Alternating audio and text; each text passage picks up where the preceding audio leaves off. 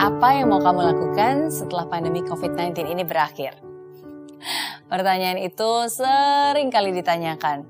Mulai dari pertanyaan kepada diri sendiri, bahkan menjadi pertanyaan yang sering kita jumpai di media sosial. Satu hal yang pasti, jangan sampai kita menjadi pribadi yang sama dengan sebelum adanya pandemi COVID-19 ini. Memang sekarang situasinya berbeda. Banyak hal yang tidak berjalan seperti biasanya. The new normal istilahnya. Tapi justru di saat-saat inilah adalah kesempatan untuk kita bisa berpikir kreatif. Ya, ubah komplain menjadi kreatif. Memaksa diri untuk bisa beradaptasi dan melakukan yang terbaik. Kreatif itu nggak harus bicara soal dunia seni kok, tapi kreatif itu adalah ketika kita bisa berbuat sesuatu yang berbeda dengan cara kita sendiri. Ada banyak contohnya, saat-saat sekarang ini ada begitu banyak orang yang membuat seminar online, melakukan virtual photoshoot, membuat konten-konten yang menarik baik itu di YouTube maupun di Instagram. Ya bahkan juga banyak dari ibu-ibu atau emak-emak atau anak-anak muda lainnya mencoba berbagai menu masakan. Mulai dari dapur, dimasak, enak, akhirnya ditawarkan kepada orang-orang sekitarnya dan akhirnya jadi usaha yang bisa menghasilkan penghasilan untuk keluarga. Proses menjadi kreatif dan proses beradaptasi pun juga saya alami, khususnya semasa pandemi COVID-19 ini.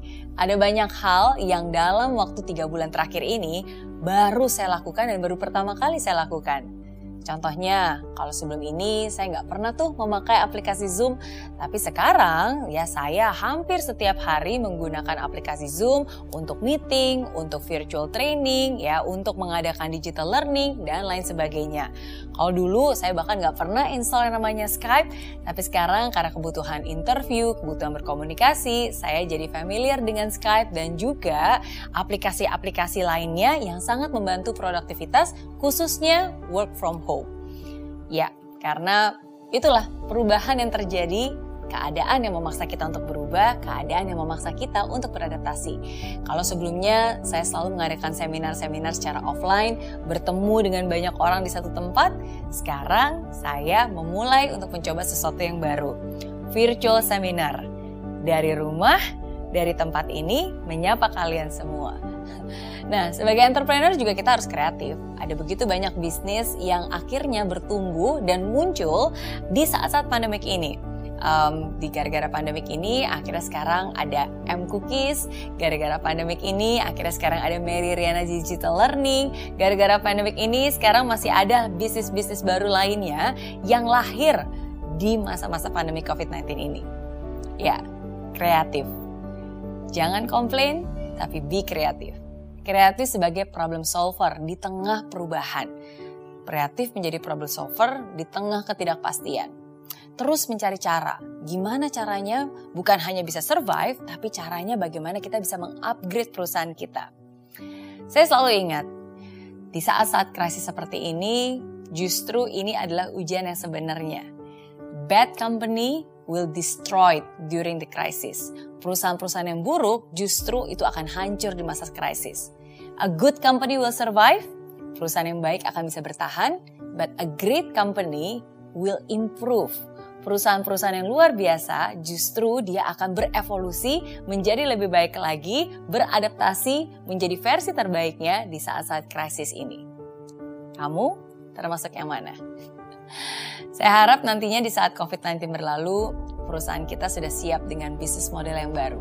Saya harap di saat semua pandemi COVID-19 ini sudah berakhir, kamu pun bisa menjadi pribadi yang lebih baik lagi menjadi pribadi-pribadi yang baru dengan kapasitas dan juga keterampilan-keterampilan yang baru.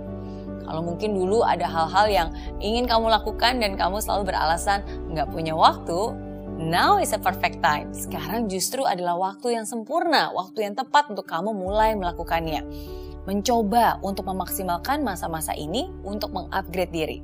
Mencoba untuk bisa memaksimalkan waktu-waktu ini memulai hal yang baru Misalnya membaca buku, mencoba hal yang baru, melakukan hobi-hobi yang mungkin dulu sudah lama tertunda. Dan seperti saya bilang, jika setelah COVID-19 ini berakhir dan kamu masih menjadi orang yang sama, itu tandanya kamu gak belajar. Jangan sia-siakan masa ini begitu saja. tapi justru jadikan masa-masa ini sebagai kesempatan untuk kamu bertransformasi. Coba kenali keunikan, coba kenali kelebihan, coba upgrade pengetahuan kamu. Apa yang mau kamu lakukan dengan kelebihan-kelebihan itu? Apa yang mau kamu bagikan untuk orang lain di saat-saat sekarang ini?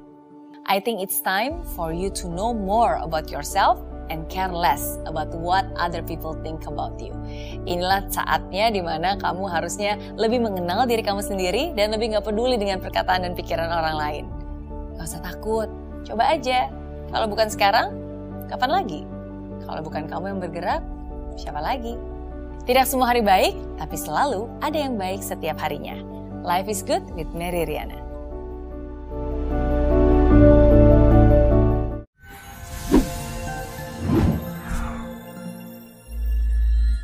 Di aplikasi Mary Riana tersedia lengkap video-video YouTube terbaru saya, artikel yang up to date, post inspirasi, koleksi merchandise, workshop dan seminar yang bisa kamu dapatkan free dan download sekarang juga gratis.